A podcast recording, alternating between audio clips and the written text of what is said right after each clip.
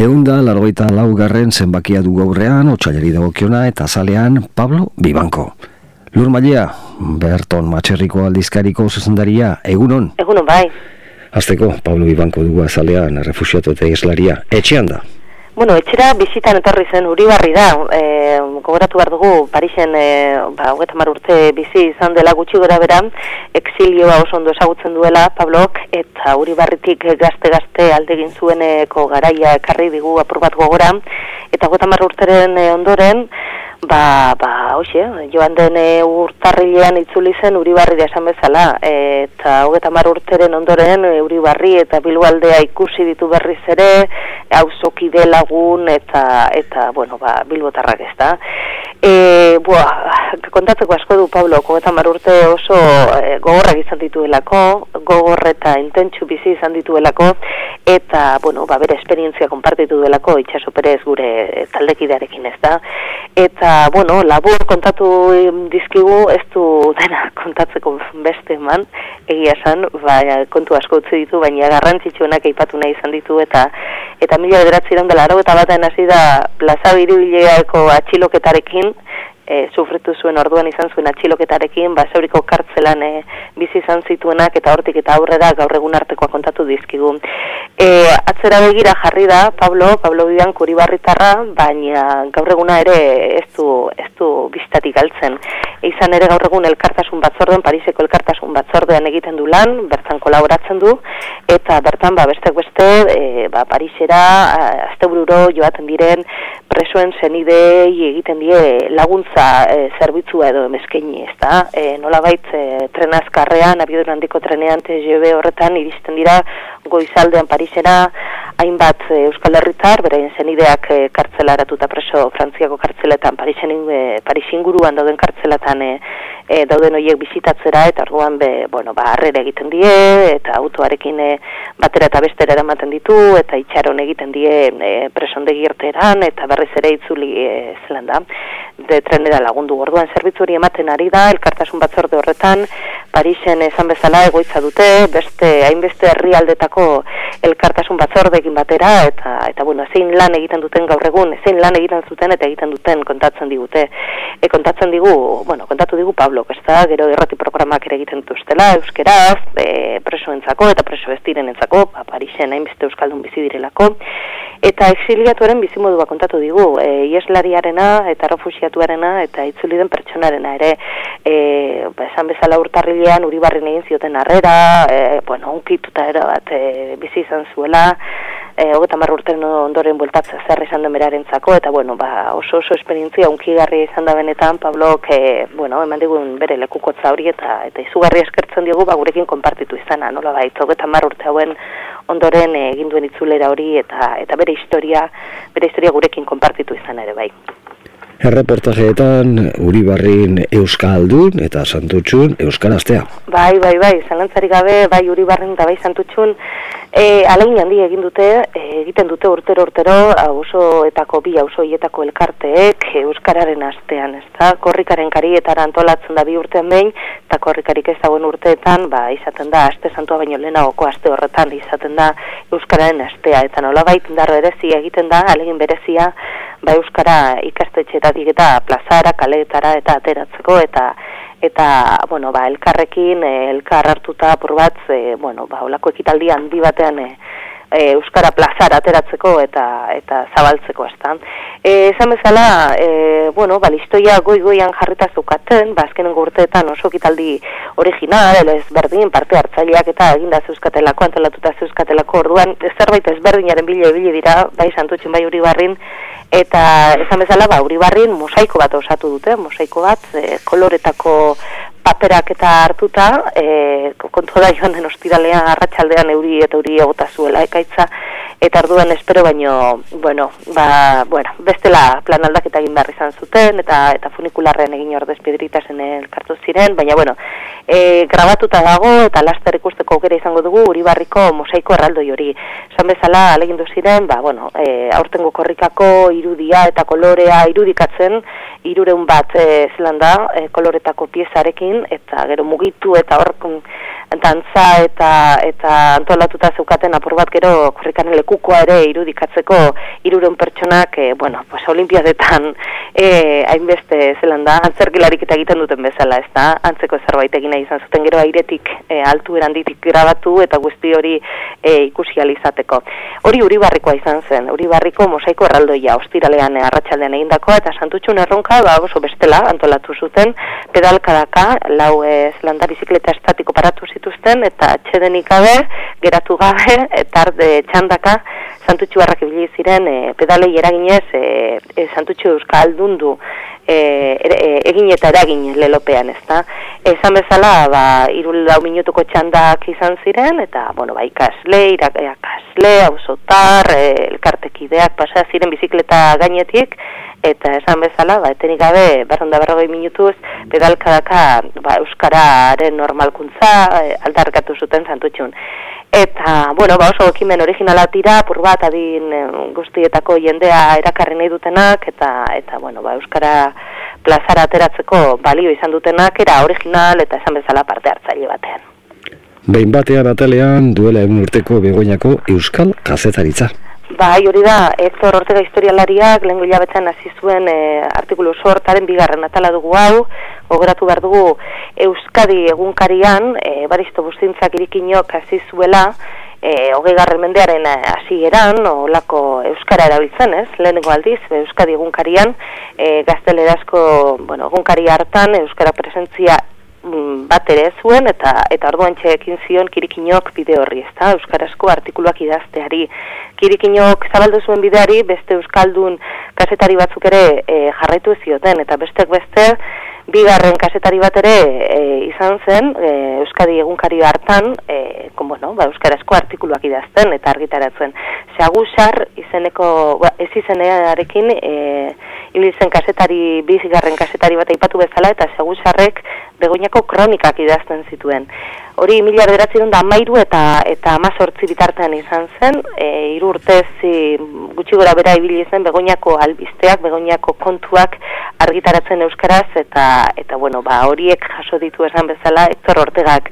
e, bai etxarkoaga eta bolueta, eta bueno, kontutan hartu behar du orduan begoina zertzen, begoina zabala zela, handia zela,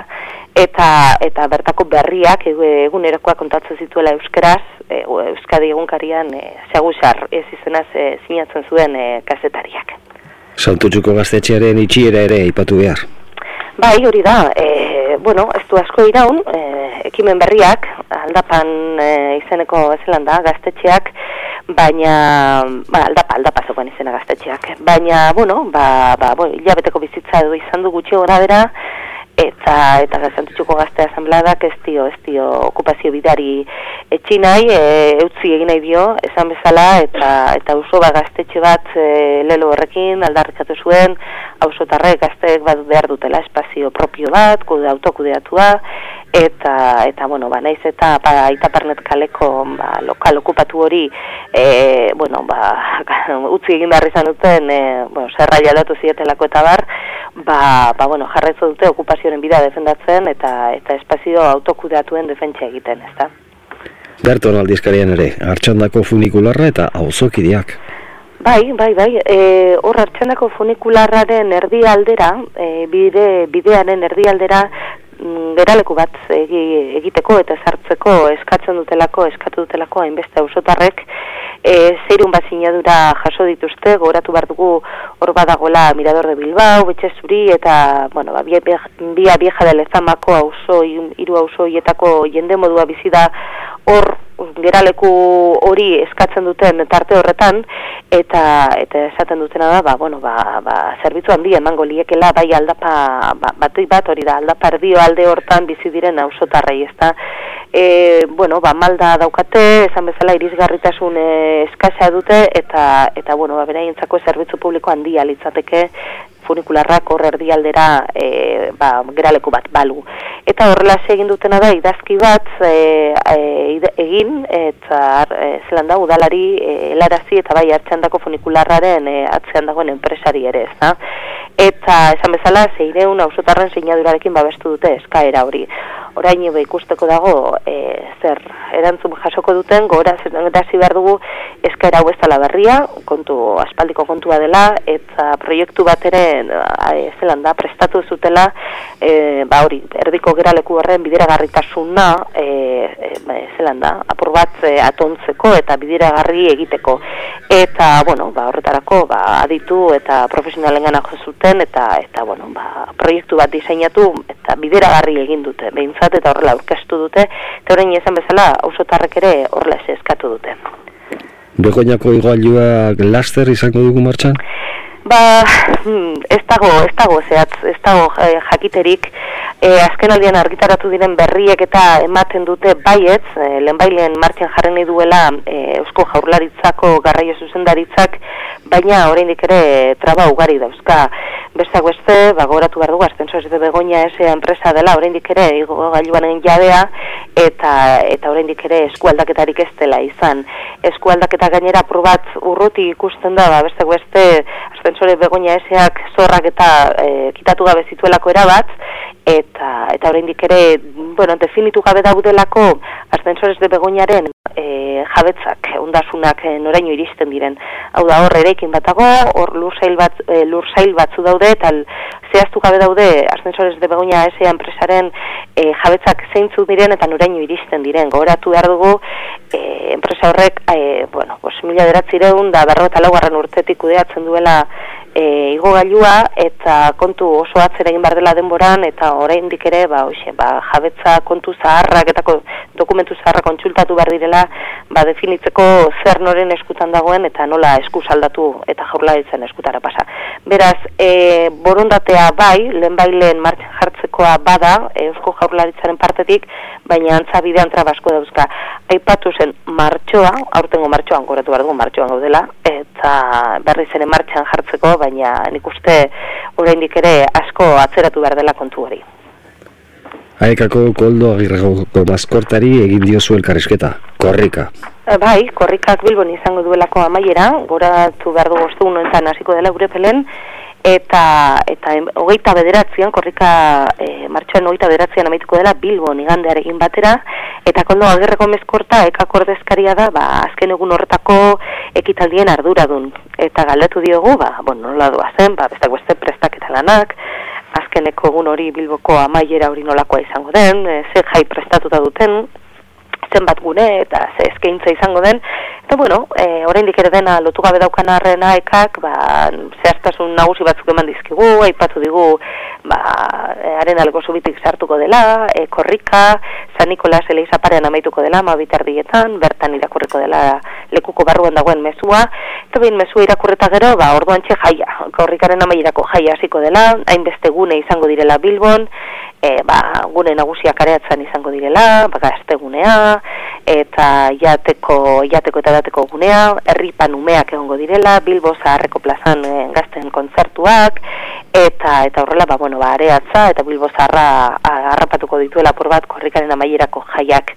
e, bueno, ba, aeka materiala erosteko era aukera izango dela, eta, bueno, besteak beste kontatu diguna da, amaiera jai horrek, ba, balio diola ekari nolabait, ba, eskerrak emateko, korrikaren prestak ikerketan hainbeste jendek egindako lanari. Inkestan, atleti eta herrigaren koparen finala. Bai, bai, ba, bueno, danon hautan egon delako, galdera hori guk ere plazaratu nahi izan digu, ba, gure irakurleetako batzuei, zeiri, eta, bueno, ba, e, bueno, batzuk oso futbol zalea tira eta oso guztera hartu dute, ez, oso ondo hartu dute atletiken zeilkapen hori, erran kopako finalean, da beste batzuei futbola eta atletia zer gutxi importa zaie, eta eta esan bezala zailkapena, zailkapena ere horrela ez, eta gutxi, bost importa zaie. Orduan, ba, bueno, ba, egia esan, e, zatituta dauzkagu, gure inkestatuak batzuk oso alde eta oso gustura eta oso potxik eta beste batzuk, ba, ba bueno, boixe, berain bizitza aurrera jarrituko duela berdintxu esan ez. Teknologia berriak uri barri nahi patu behar. Bai, hori da, Uribarrik e, proiektu berri bat martxan jarri zuen, eta proiektu horrek esan bezala fruituak eman ditu, mapa digital bat osatu dutelako Uribarrin, e, bueno, ba, bai, arkitektura eta diseinu munduan aditu diren pertsona batzuk egidatuta, hausotarrak lanean jarri dituzte, eta osoa hobeto esagutzeko, ba, egin dutena da, e, atal ez atal, apur bat lanak banatu, eta beraien auzoaren radiografia, egungo radiografia egina izan dute, baina mapa digitala da. Orduan kalera atera dira, usotarrekin elkartu dira eta aztertu dituzte ba, memoria, euskara, harremanetarako espazioak eta guzti horiek apur bat digitalki jaso eta mapa osatzera iritsi dira e, egindako lan guzti hori zarean dago, kontsultagarri dago, eskuragarri dago, esan bezala, matiko mapa izena du, eta, eta bueno, ba, ba errestopa daiteke, eh? ez dago bat ere zailtasunik horretarako.